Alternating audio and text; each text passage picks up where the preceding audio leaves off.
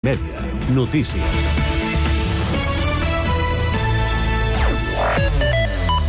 Bona tarda. El quinto de Nadal arriba del 25 al 29 de desembre al Pub 2 de la Rambla del Celler i enguany ho fa amb novetats. La popular activitat nadalenca, autogestionada i impulsada per Cal Temerari, ha posat fil a l'agulla per amenitzar les cues que es formen per participar en el quinto i ha creat un sistema d'accés innovador. A l'entrada del recinte, els assistents agafaran número en funció de l'arribada i podran consultar el seu torn en un web que s'anirà actualitzant. D'aquesta manera, no caldrà que els santcuatencs facin cua a les portes del pavelló i es podran anar a gaudir d'altres activitats mentre arriba el seu torn. Per aquells que vulguin esperar a l'exterior del recinte, els organitzadors de la proposta habilitaran una barra amb menjar i beguda amb música en directe. També és notícia avui que les obres de perllongament de la línia 8 de ferrocarrils de la Generalitat de Catalunya començaran el 8 de gener, amb les primeres ocupacions en cinc àmbits de la ciutat, per on passarà el nou traçat que unirà la plaça d'Espanya amb Gràcia a Barcelona i permetrà la unió de les línies del Baix Llobregat a Noia amb la del Vallès. Els treballs de la tuneladora, però, no començaran fins a finals del 2025 i s'allargaran durant un any, durant uns dos anys i mig. Pel que fa a l'afectació al parc de Joan Miró, on el govern proposa instal·lar la zona logística de la tuneladora, seria menor del previst i s'ocuparan 5.300 metres quadrats, un 12% del total, i un 40% del que s'havia previst inicialment. La T16, el bitllet de transports pels menors de 16 anys de l'àrea metropolitana de Barcelona, només funcionarà amb el sistema sense contacte de la T-Mobilitat a partir del 16 de gener del 2024, quan les validadores d'accés al transport públic deixaran d'acceptar les targetes de cartró amb banda magnètica. L'autoritat del transport metropolità ha comunicat a les famílies que encara facin servir el format antic que hauran de fer el canvi en els propers dies. Amb tot, asseguren que pràcticament la totalitat del col·lectiu ja té la T-Mobilitat. Actualment, el títol T16 en format T-Mobilitat genera uns 300.000 viatgers en dia feiner. Un 1% del total encara fa les validacions amb el sistema magnètic.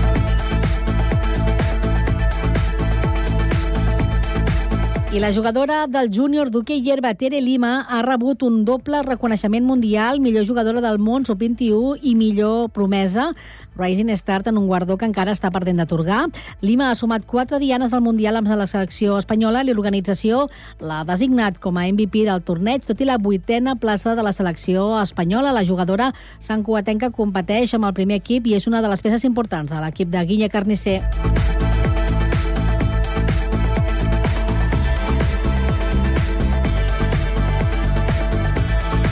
Cugat Mèdia, la informació de referència a Sant Cugat.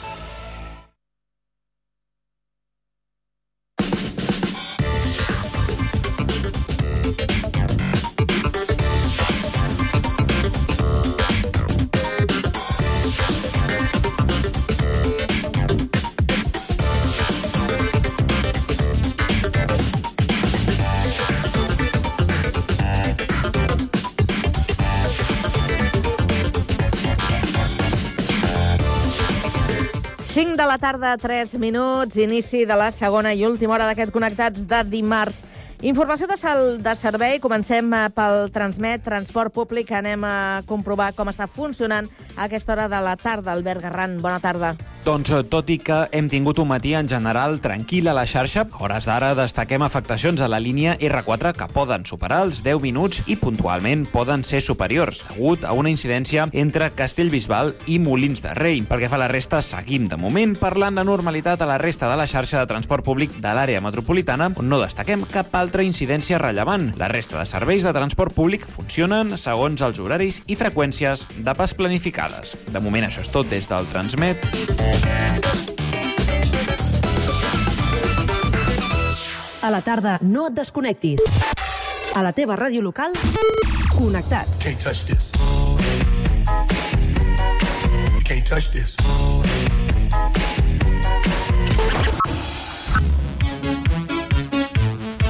Can't touch this. Can't touch this. Connectats amb Carme Rebell.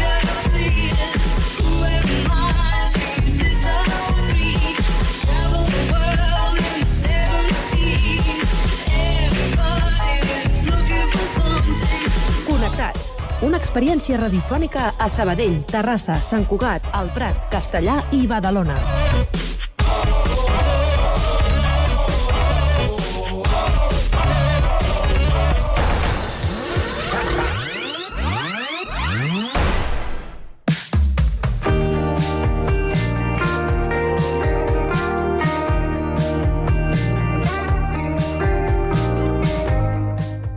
Aquest podcast és una producció de Ràdio Ciutat de Badalona.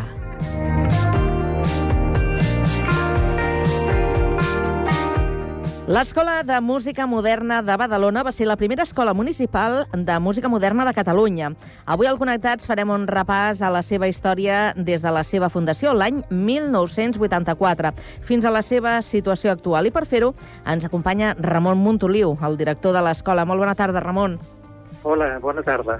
Amb... Bona tarda. Què, què és el que us va motivar a crear aquesta escola? Eh, en aquell moment no hi havia escoles de música moderna municipals.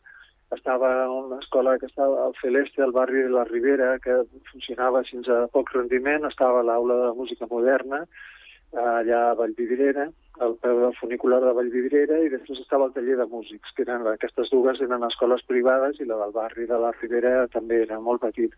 Llavors aquí a Badalona no només està lluny de Barcelona d'alguna manera, sinó que més hi havia l'oportunitat de fer-la municipal amb uns preus més assequibles i més pensant en que tothom tingués un accés una mica més fàcil. I així va anar la cosa. I, i què representa per vosaltres saber que sou la, la primera escola de Catalunya? Bueno, són d'aquelles coses que et porta la vida, no deixa de ser un regal, no, no vam fer res amb especial, però ens omple d'orgull i de satisfacció. La, bueno, la vida ens ha portat a aquestes coses com a tothom li porta la vida, coses que dius, ha estat el primer o allò va passar i tal. No, no crec que sigui un mèrit especial, però bueno, d'alguna manera sí que estem orgullosos i ho podem dir que vam ser els primers i, i això doncs, està molt bé.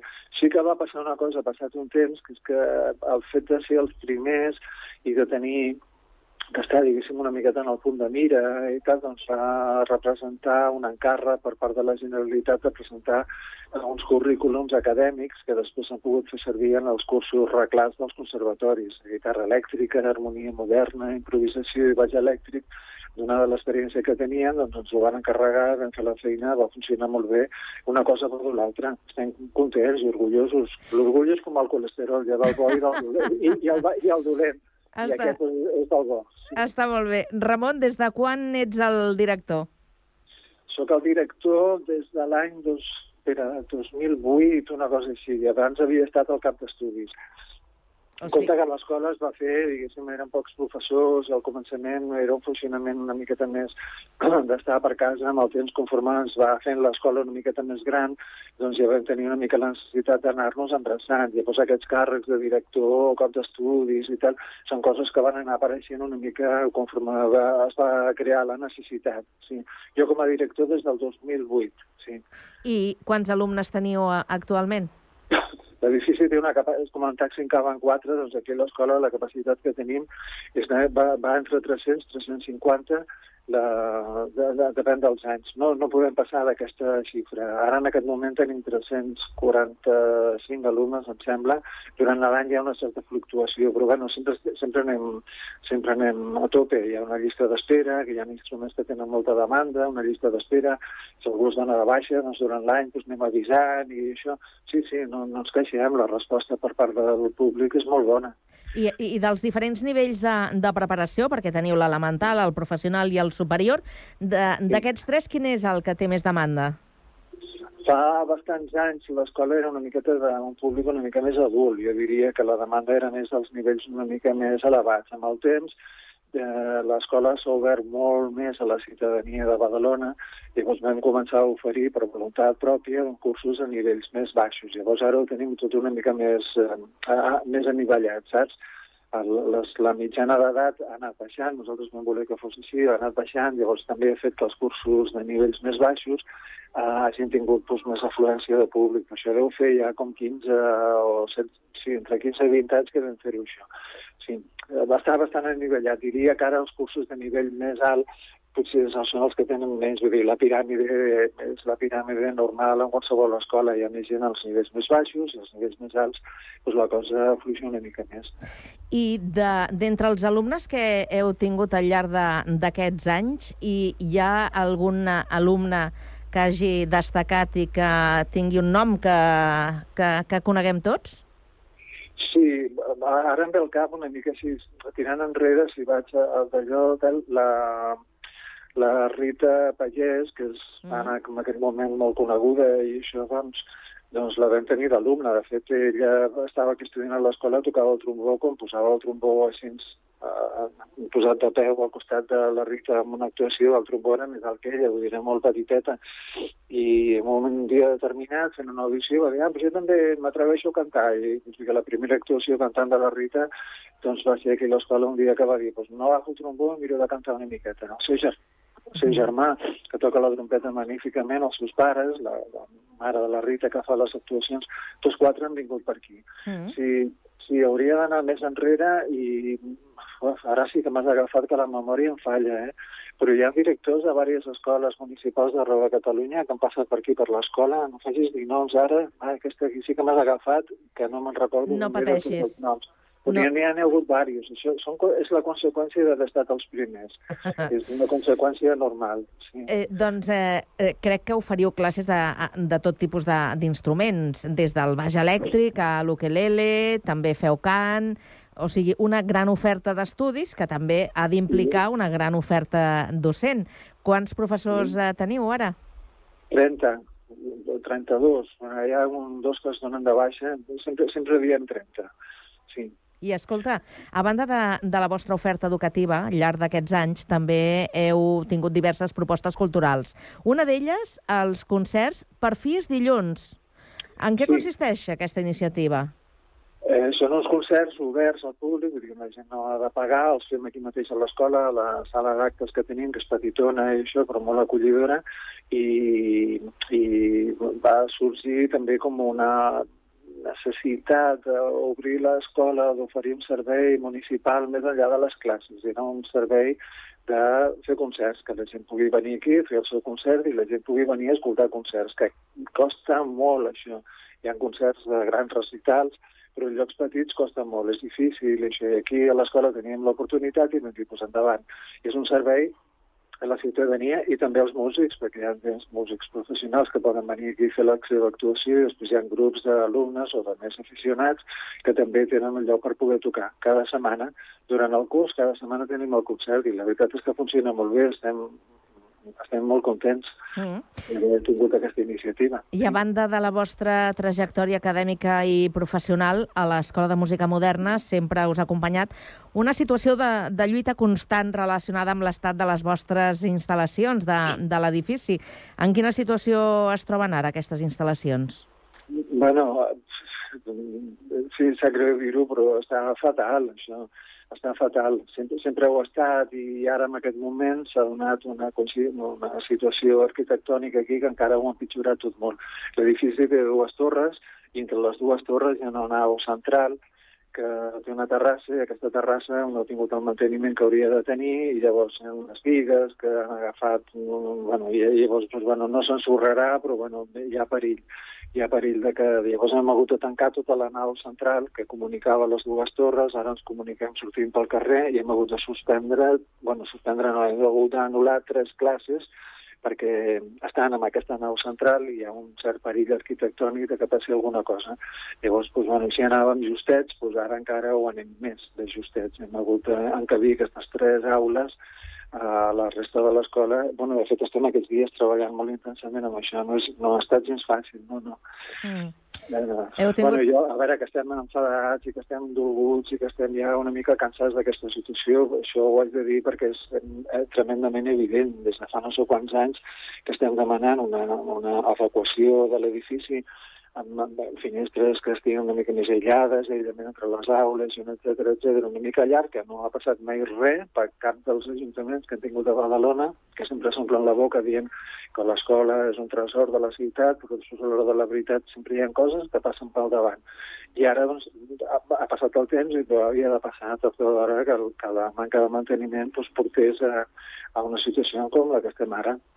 Efectivament, vosaltres a la vostra pròpia web denuncieu que ja han passat dues legislatures en què no s'ha solucionat eh, les vostres demandes pel que fa a l'estat d'aquestes instal·lacions. Per tant, és... Du- du- du- Digues. Sí, perdona, du- dues, dues, no, no, totes les legislatures. Podríem haver-hi dues que Do- dos mandats, a sí. l'acabar van dir, escolta, em sap greu perquè no hem arribat a temps, o el pressupost no el vam calcular, o hem tingut una moció de censura, no ens ha donat dos, que van demanar disculpes per no haver... La frase que jo he sentit moltes vegades de moltes, moltes eh, legislatures que hem tingut és que la que feu és una meravella i durant aquest mandat doncs farem tot allò que fa temps que s'hauria d'haver fet amb l'escola. Això ho hem sentit eh, a totes les legislatures que han hagut fins ara. La d'ara també ho ha dit, això. Ara, he, heu entrat en, en contacte quan- recentment Eh? o no? Heu entrat en contacte recentment amb el nou govern?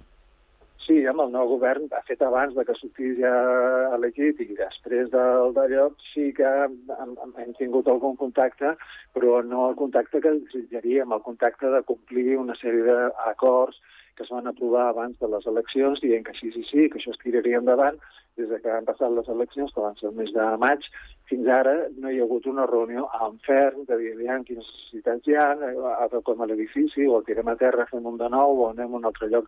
Això no ha passat, han sigut contactes, sí, hem de quedar, ens hem de veure, tal, i ara aquests dies hem parlat més, perquè clar, amb el que ha passat a l'edifici ens hem vist una mica més.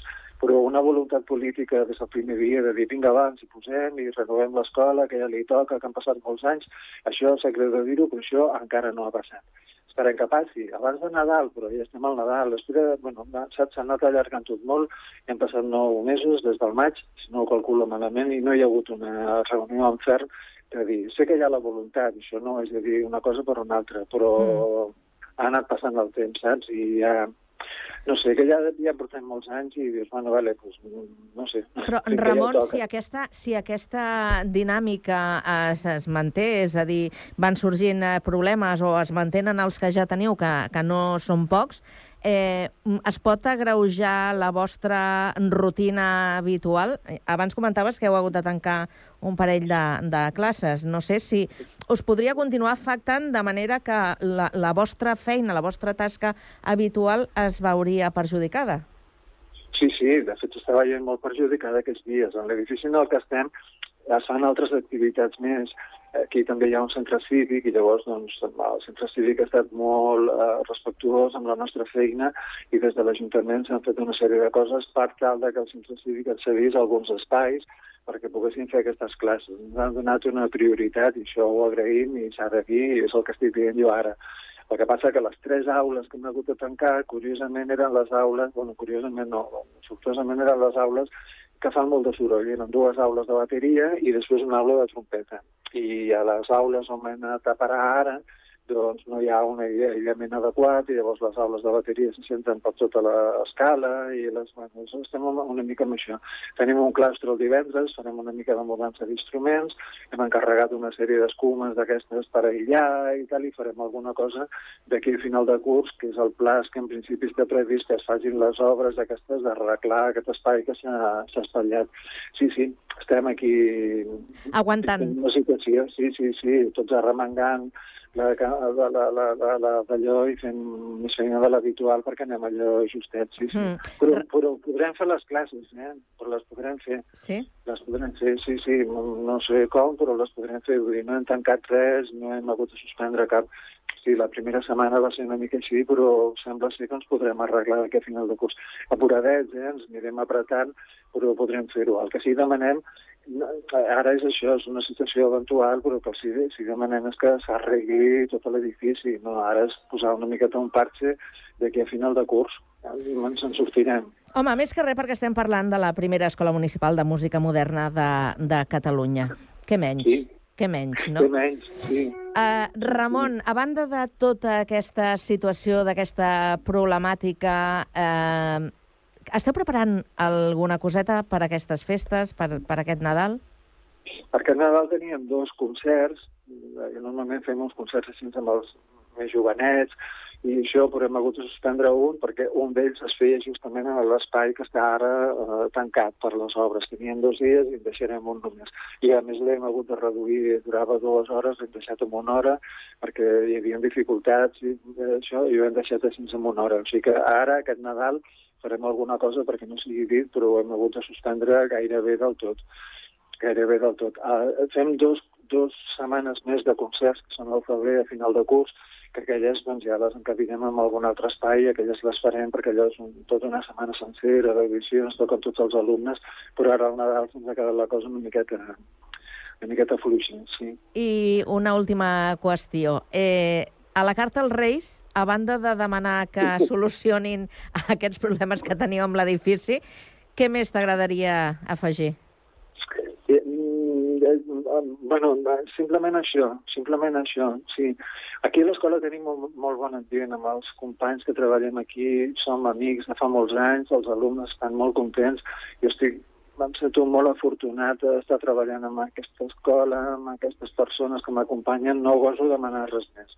Simplement la carta als Reis, la que tu has escrit, jo em dono per molt més que satisfet. De veritat, eh? Venir a treballar aquí per mi no és una sensació de venir a treballar i sé que és un sentiment molt compartit amb els companys. Uh -huh. I tinc una sort immensa. Només això i ja m'estaria bé. Doncs eh, estem molt agraïts que avui eh, hagueu passat pel Connectats a, a explicar-nos doncs, eh, el que feu, el que sou i també la problemàtica que, que us preocupa. Ramon Montoliu, director de l'Escola de Música Moderna de Badalona, moltíssimes gràcies i que passeu una molts bones festes. Igualment, moltes gràcies per aprovar-vos. Que vagi molt bé. Bona tarda. Molt bé, bona tarda. Adéu, adéu.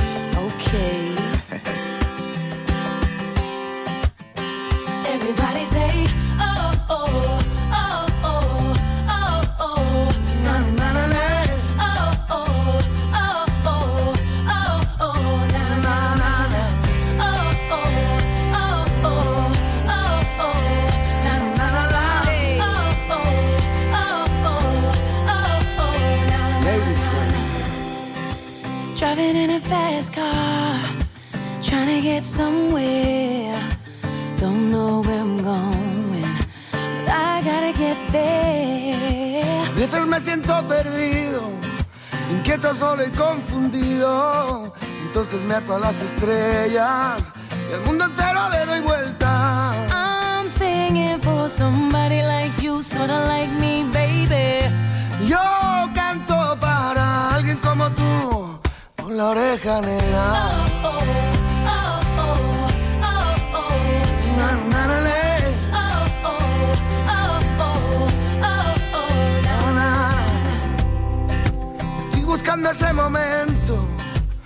Música que cuando llega me llena con su sentimiento, su sentimiento vida llena. Walking down the sideway, looking for innocence. Trying to find my way, trying to make some sense. Yo canto para alguien como tú, solo como tú, baby. I'm singing for somebody like you. What about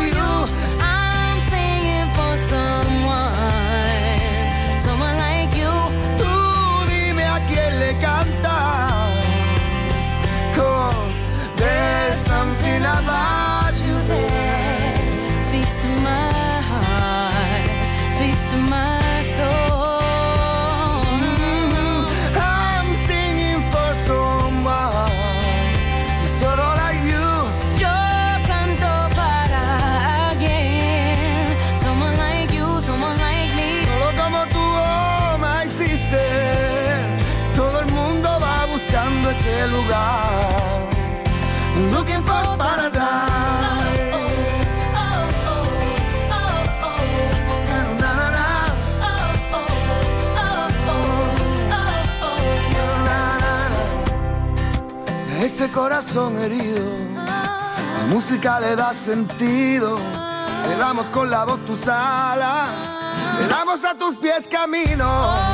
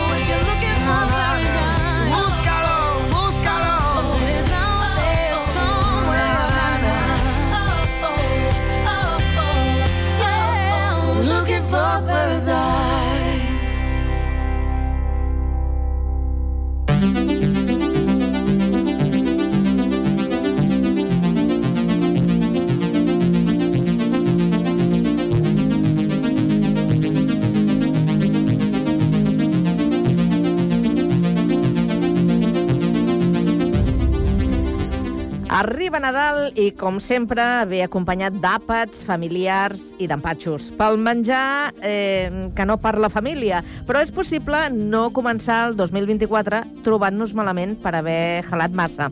En parlem des de Castellà amb el nostre company Guillem Plans i la dietista del centre Sol i Lluna, Lara Carballo. Guillem, bona tarda. Bona tarda, Carme. Doncs sí, és possible tenir una bona alimentació saludable durant les festes de Nadals sense privar-se completament de res. I ho sabem avui eh, gràcies a la dietètica Sol i Lluna que ens atén la Lara Carballo. Lara, molt bona tarda. Hola, molt bona tarda. Lara, sembla una fórmula impossible, una alimentació saludable i alhora no privar-se de res o de gairebé res, eh, no fer sac grans sacrificis durant els àpats nadalencs. Doncs sí, és, és complicat i sempre, com nosaltres diem, s'ha de trobar una miqueta una balança, no? Per no, això, perquè no sigui res estricte i poder i fer dies festius i menjar torrons i cosetes i dolços de Nadal, eh, però a la vegada no sobrecarregar tampoc el, el nostre organisme, diguéssim.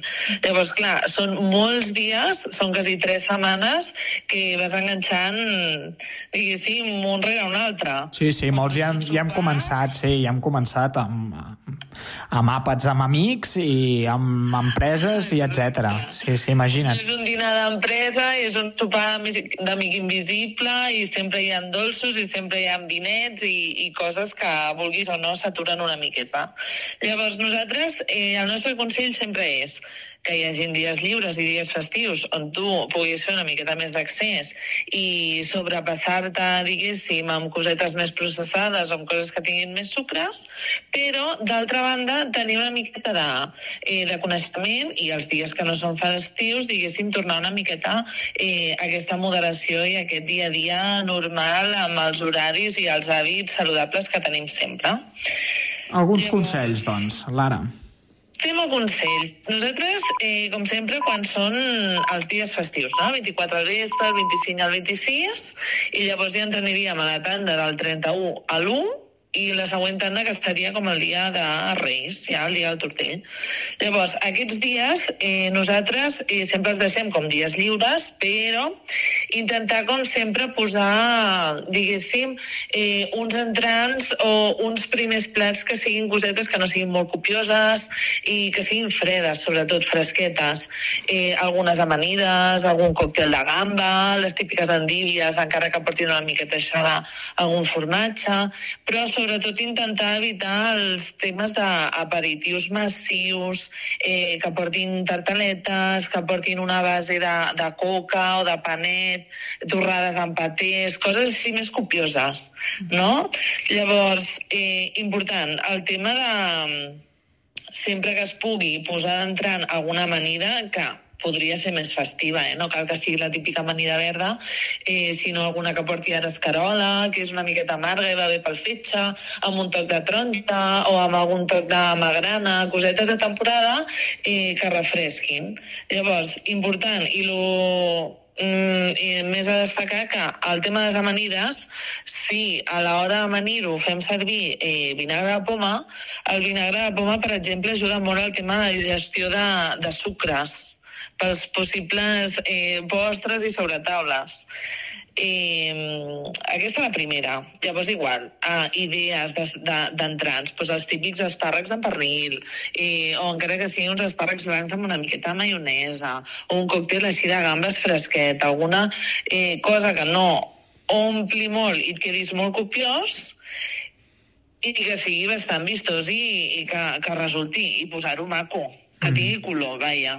I el segon plat després, a l'atac? I, exacte, el segon plat que sigui un bon rostit, un, una bona carn o un peix al forn, eh, que ja siguin cosetes, eh, pot ser un plat més principal però que sigui de proteïna també, llavors intentar igual evitar salses molt copioses, molt greixoses, per això pollastres rostits, algun rodó de vedella, algun cabrit, algun xai, o peixets al forn, vull dir, qualsevol tipus de peix, això a nivell digestiu eh, si no porta molta guarnició o no porta eh, salses molt espesses, molt greixoses, diguéssim que a nivell digestiu és com molt fàcil i, i realment eh, pot quedar en una taula, vull dir, la força vistós i força maco. Segur que hi ha alguns oients que ja estan tips, eh? Només d'escoltar-nos i, i encara no hem arribat a les postres.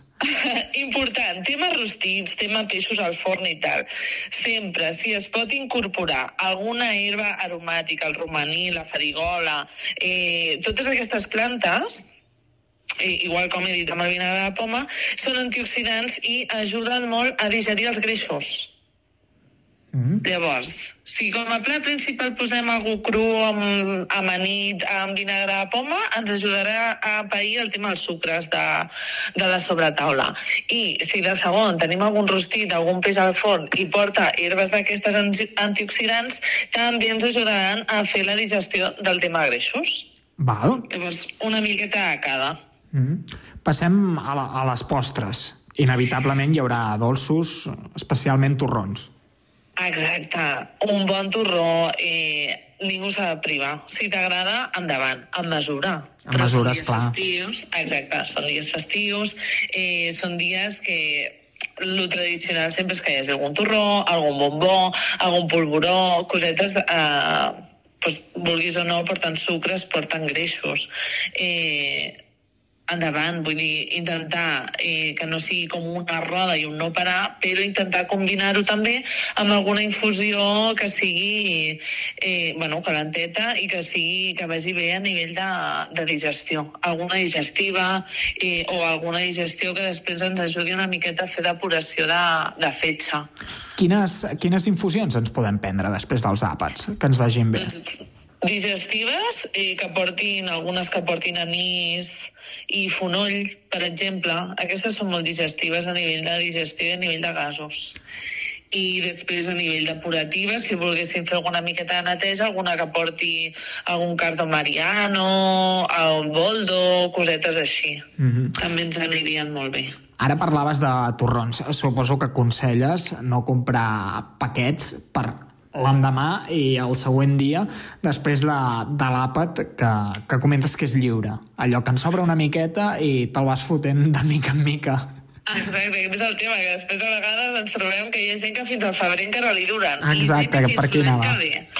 Eh, que siguin coses bones, comprades i de qualitat, que si no després ens ajuntem allà amb molts paquets de torrons i no s'acaben, i si no el porta un familiar el porta l'altre.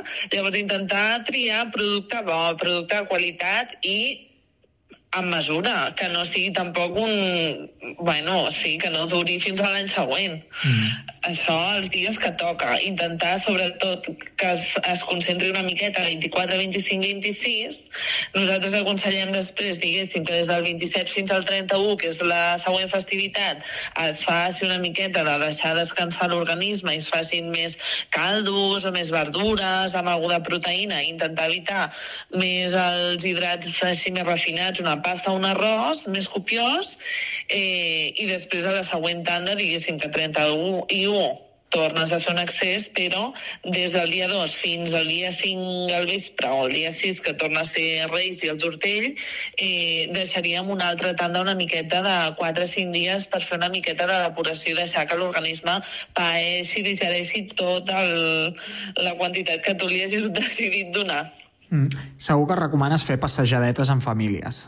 En família. Sobretot, exacte. Després de dinar, en comptes de quedar-se sobre, allà fent sobre taula, anar a fer un vol, anar a veure les llums, anar a veure els pessebres, el que més us agradi aquests dies de Nadal. Això és complicat, eh? perquè a aquestes sobretaules hi ha molts temes per parlar últimament. Amb els, amb els cunyats, amb la política, ui, aquests dies... Bueno, Està... serà intens. Bueno, mira, pot ser una fugida al, al tema de passejar. Exacte, Una quan solució. a tabú, algú s'aixeca, vinga, anem a fer un vol. Exacte. Mira, Mira, és, arreglat. és un bon consell. Nosaltres en buscàvem de salut, però també n'hi ha, ha de socials. Um, Lara, et volia preguntar per l'alcohol, que és, és també un dels temes d'aquests dies. Doncs el mateix. Evidentment, eh, una copa pel tema dels àpats, una copa de vi, eh, està més que ac- acceptada aquests dies. Eh, intentar, igual, no posar alcohols després de dinar més, eh, de més graduació o eh, coses amb molts sucres, no? Gent que fa combinats i després posa algun, algun refresc, alguna Coca-Cola i cosetes així. Intentar eh, això, deixar-ho ja per ocasions més especials perquè tornem a dir, són dies eh, que van un darrere l'altre. Llavors seria una sobrecàrrega pel fetge força important. Mm. Algun consell més que et balli pel cap, Lara? Mm, en principi no. Coses bones, de qualitat i que, i que mantinguin el, el cos eh, tranquil·let sense haver de, de forçar-lo massa a fer digestions molt pesades. Val. Perfecte, doncs moltíssimes gràcies per tots els consells A vosaltres. i molt bona tarda. Bona tarda. I molt bona tarda a tu també, Carme. Gràcies, Guillem. Bona tarda.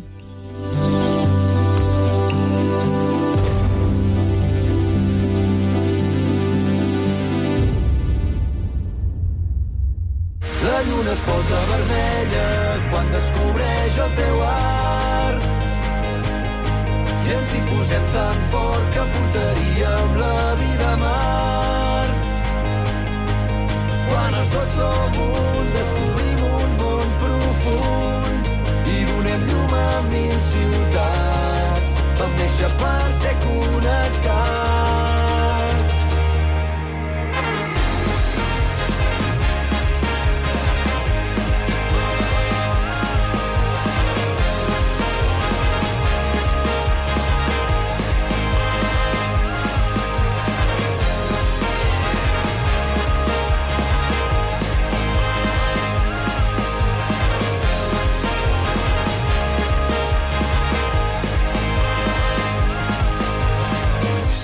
Connectats amb Carme Reverte.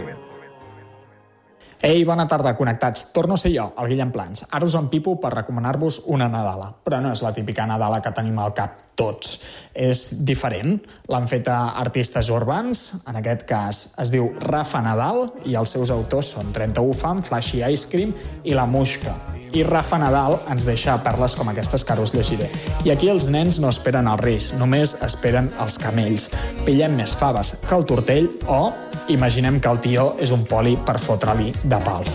Ja ho veieu, no és una Nadala apta per orelles sensibles, però és diferent. Jo només us demano que abans d'opinar l'escolteu. Esperant els paquets, nena, on jo et porto aquest paquet.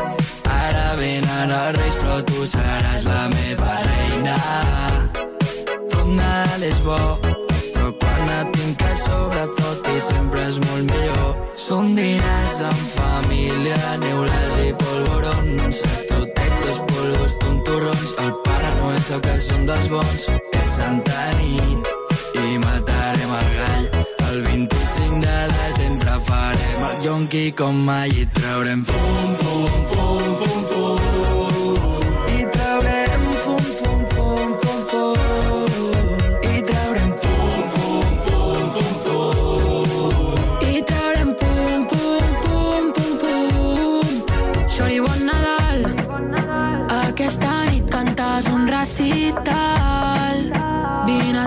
llora't com un regal. Sortir amb els nens vol dir acabar fatal. Dins de la indústria som rapa Nadal. Demana bon caldo, ja, ja. Jo li dono bon caldo per dir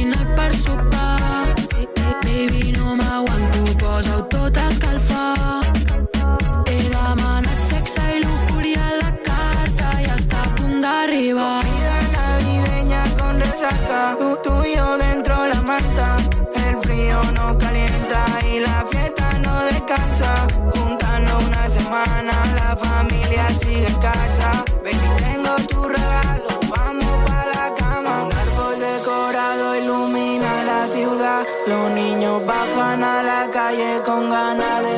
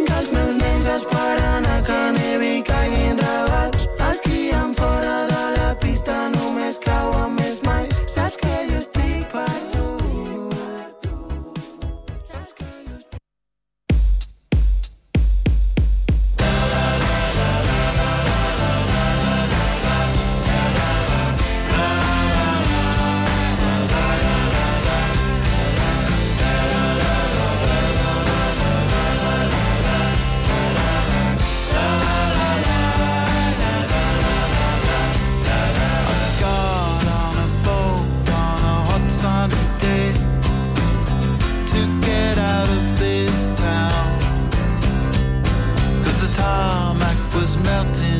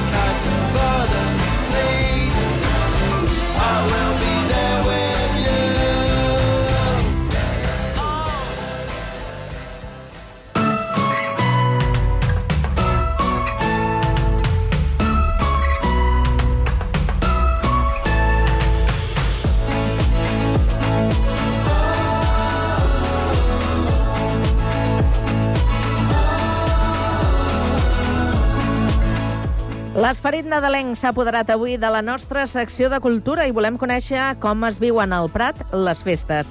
Ho fem de forma diferent, perquè ens aproximarem a dos pessebres ben diferents. El pessebre vivent, que s'ha celebrat a Sant Cosme, i el pessebre de la gent gran, que lluirà a la plaça de la Vila del Prat a partir de dijous a la tarda.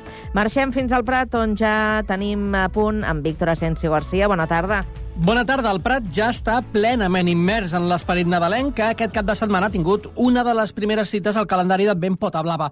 Ho ha fet amb el barri de Sant Cosme, amb el tradicional pessebre vivent que ha arribat a la seva 23a edició. Un conjunt d'escenes bíbliques, paradetes de menjar, tallers i multitud d'activitats que la ciutadania ha pogut gaudir durant aquest cap de setmana. Tot plegat de la mà dels Amics de Sant Cosme, amb la col·laboració de moltes entitats diverses i, sobretot, amb la gran feina que fan les persones voluntàries que un any més han assolit un paper destacat. Escoltem algunes d'elles. És un ambient familiar, distès, de barri, en el que tenim aquí doncs, una, una quantitat d'activitats per veure i per poder tastar i disfrutar. Com a novetat enguany, el pessebre ha comptat amb la presència vikinga, amb la recreació d'un poblat nòrdic, amb diferents tallers especialitzats i la recreació de diversos combats medievals a punta de llança i destral. Som l'Associació Mediterrània Vikinga i ens dediquem bàsicament a, a difondre la, la cultura escandinava d'un segle molt, molt concret de, del període medieval. Què és el que passa? Aquí, en aquest pessebre vivent, nosaltres hem intentat adaptar una mica a, cap a, a unes vestimentes més, eh, més romanes, però tot i així no, no podem evitar aquestes ànsies de, de lluitar i de fer esgrima que és en el que ens dediquem. També a la part d'aquí del, del costat tenim una sèrie de tallers eh, civils on trobareu a diversos membres del nostre, de la nostra associació fent eh, teixits o treballant al cuir, fent sabates, etc.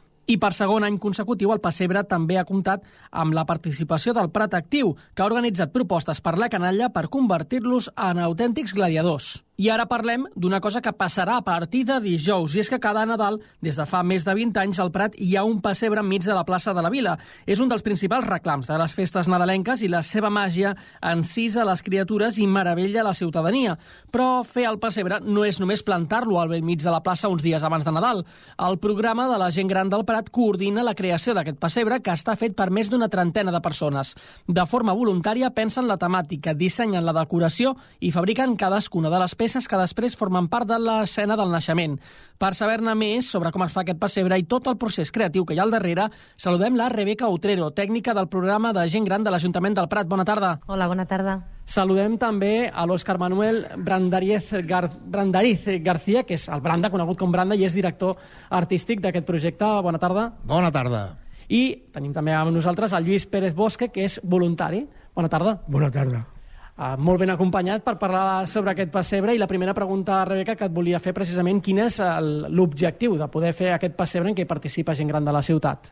Sí, pues, com alguna vegada sí que he comentat i hem, bueno, hem parlat, era el tema del projecte comunitari no?, que estan portant a terme, el, les relacions, la- l'enfortiment de, de xarxa i de relacions entre la gent gran del municipi.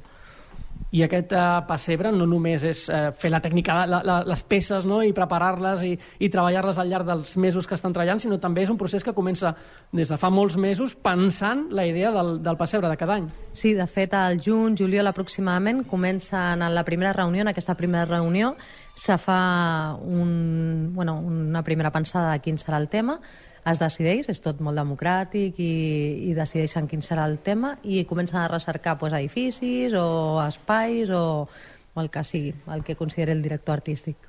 Doncs el director artístic, que és el Branda, eh, explica'ns una mica. No ens pots dir de què va la temàtica, ja sabem que això és un misteri, és un misteri cada any, però explica'ns una mica eh, com estàs fent aquesta tasca de dirigir totes aquestes persones que, que aquests dies treballen amb el pessebre, ja ultimant, imagino, els últims detalls. Pues la verdad que con mucha facilidad, porque somos un equipo ya muy consolidado, aunque siempre estamos abiertos a gente nueva y hay nuevos voluntarios y voluntarias cada año. Mm, La verdad es que mm, nos conocemos todos, conocemos el oficio y todo fluye de una manera bastante espontánea. ¿no? Digamos, los compañeros voluntarios, mm, eh, ellos mismos eh, autogestionan sus propios grupos que, y toman la responsabilidad de cada una de las piezas. Lluís, tu com a voluntari, la primera cosa que et volia preguntar és quants anys fa que t'hi dediques a això? Jo vaig començar l'any passat i molt bé. I aquest any... Sigui, jo l'any passat ja vaig descobrir mm, unes coses molt, molt interessants. I aquest any molt satisfet de veure com treballa la gent, les manetes que hi ha, de què manera pensen i pensen i pensen molt bé. Imagino, imagino que ja has fet alguna amistat, fins i tot si has tornat, no? Sí, sí, amistat ja conec a tots i, i l'impressat era una cosa que era nova i aquesta, i a més la, la unitat, la forma d'entendre-nos tots, molt bé, molt content. Tu tenies experiència en fer manualitats, amb uh, algun tipus de... No, no, jo no tenia experiència, només, bueno, jo treballava a una oficina això, però aquí m'ensenyen, aprenc, ves coses interessants, molt bé, molt bé. És bon alumne, el Lluís? Bueno, yo no lo considero un alumno de nada. Yo estoy aquí, como todos, aprendiendo de los que saben. Vamos, es un gran compañero. Explica'ns una mica, sense desvetllar el, el secret que hi ha darrere d'aquest pessebre, que no podem explicar quina és la temàtica, més o menys què estàs fent tu aquests dies aquí al pessebre? Bueno, mm, jo col·laboro amb, a- amb el Jordi. El Jordi és el mestre. Llavors, ell té unes idees, nos ensenya a fer les coses, aprenc moltes coses i realment en fi, vas aprenent cada dia a poc a poc. Però al final de, del curs o al final del, del, de, de l'estància que estarem aquí, realment molt bé, molt bé. Molt bé. Hi ha alguna peça o alguna cosa que hagis fet que diguis, ostres, estic superorgullós? Sí, sí, he fet alguna peça i em sento molt orgullós. Molt, molt orgullós. Precisament, Rebeca, et volia preguntar sobre això, no? aquesta part també emotiva que té el poder treballar amb, un, amb una cosa de manualitats i a més amb comunitat, no? que fa també que, que doncs, les persones usuàries d'aquí del, del pessebre, eh, imagino que també els ajuda en la seva salut, a la seva salut física i emocional. Imagino que també això és un dels objectius no? del pessebre. I tant que sí, és el que parlaven. Eh, doncs un dels primers objectius és enfortir les xarxes, és evitar la soledat, és estar actius mental i físicament i sobretot doncs, és el que dic, eh? crear una gran família com és la que tenen, perquè no només és compartir aquí al taller, sinó que després tenen, la, tenen les seves relacions i, i estan molt ben avinguts. O sigui, que és veritat, no? que això, que sortiu d'aquí potser no aneu a fer un cafè. I, i la cerveseta i el, el que faci falta. S'allarga, s'allarga. S'allarga, s'allarga, cada dia. O sigui que si aneu d'after algun dia potser us trobeu a la gent d'aquí del Pessebre, no? Per allà prenent alguna, alguna copa. Jo et volia preguntar, a Branda, si, si aquí a l'hora de coordinar les feines, com, com us ho feu? Que hi ha algunes persones que potser saben fer coses més de fusteria i s'hi dediquen, potser qui sap que s'hi dedica, o com, com ho organitzeu, això? Pues la cosa va fluyendo de una manera muy natural y espontánea porque realmente hay gente que sabe, conoce muy bien ciertas técnicas, pero se anima a trabajar con técnicas nuevas y del mismo modo, pues hay grupos de gente que mm, asumen un proyecto, lo llevan a su mundo, lo, lo viven a su manera, lo crean a su manera y es la combinación de sensibilidades y maneras de hacer lo que da la riqueza que tenemos a este Belén 2023 del Prat de Llobregat. A més, és un, un pessebre que serà molt especial. Jo estic aquí veient moltes peces i em costa poder explicar, eh, no poder explicar, perdó, el que estic veient perquè és molt xulo. Eh, recordo l'any passat, amb aquesta mateixa entrevista, que teníem aquest pessebre del Prat dels anys 30, ara ja ho podem dir perquè ja va passar des de l'any passat, i estem ara mateix en una zona a l'entrada on tenim peces d'altres anys, tenim, recordeu, eh, aquesta magnífica Torre Eiffel, tenim l'Arc del Triomf, però tenim de quan era el, el Prat de- d'Egipte, o sigui, tenim moltíssimes peces. La meva pregunta és, això algun dia ho podrem veure en algun museu? Bueno, esperem que sí, a veure si, si fem algun tipus de museu del Prat o a veure si aconseguim una sala per fer una gran exposició del pessebre i, bueno, des d'aquí demanem, eh, a veure si ens deixen una sala i esperem que sí. Lluís, et volia fer una pregunta. Tu ja vas viure l'any passat la inauguració. Uh, imagino que va ser un moment molt especial veure no, la posada en escena d'allò que havies estat treballant durant tants mesos. Sí, realment sí, perquè bueno, jo treballava fora, venia a veure el pessebre, però no, no sabia, no tenia aquesta sensació que un troba quan veu una cosa que està feta per la gent gran i amb la, amb la il·lusió i la, la fortalesa que ho fan, es fa. I, bueno, em vaig quedar molt, molt, molt bé mm, i la veritat mm, em sentia pues, d'una altra forma perquè mai, mai havia fet jo coses d'aquestes no mai, jo tenia una, una, altra, una, altra, una altra vida Imagino que la cara de la canalla, no?, quan es destapa allò... Sí, sí, quan jo li vaig dir al meu net que això ho havia fet el iaio, que havia col·laborat el iaio, això ho has fet tu? Sí, sí, sí, he col·laborat. Doncs ja queda poquet perquè s'estreni aquest pessebre. Recorda'ns, quan el podrem veure ja exposat a la, a la, a la plaça de la Vila? Pues eh, el dia 14, el dijous 14 a les 18, esteu convidats Eh, bueno, com cada any en la inauguració ja sabeu que consta d'una actuació musical i, bueno, i de l'encesa de llums amb els companys, amb els, amb els voluntaris i, bueno, i comença la festa. Doncs estarem molt atents. El podreu veure després molts més dies perquè quedarà exposat a la plaça de la Vila. Eh, Lluís, moltíssimes gràcies per ser avui amb nosaltres. A vosaltres. Rebeca, moltíssimes gràcies per ser també avui amb, amb nosaltres. A tu, merci. Y eh, Branda, muchísimas gracias por ser hoy con nosotros. Un placer.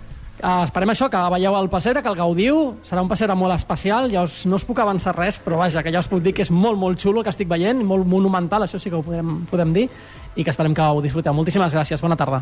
Bé, doncs aquesta és la proposta que ens ha fet arribar Víctor Asensio des del Prat Ràdio.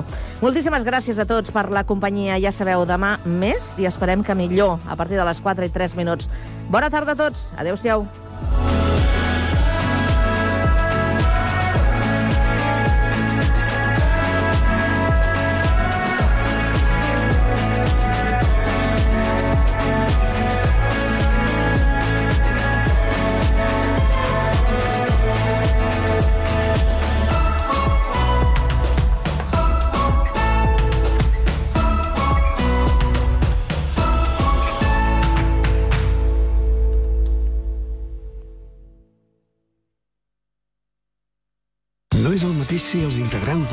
De la història que ser el millor grup de la història. Per això, el grup català Occident serem Occident, perquè per continuar assegurant-ho tot, tot i tot, ens havíem d'ajuntar tots, tots i tots. Entra a seremoccident.cat. Ràdio Sant Cugat. 91.5 FM.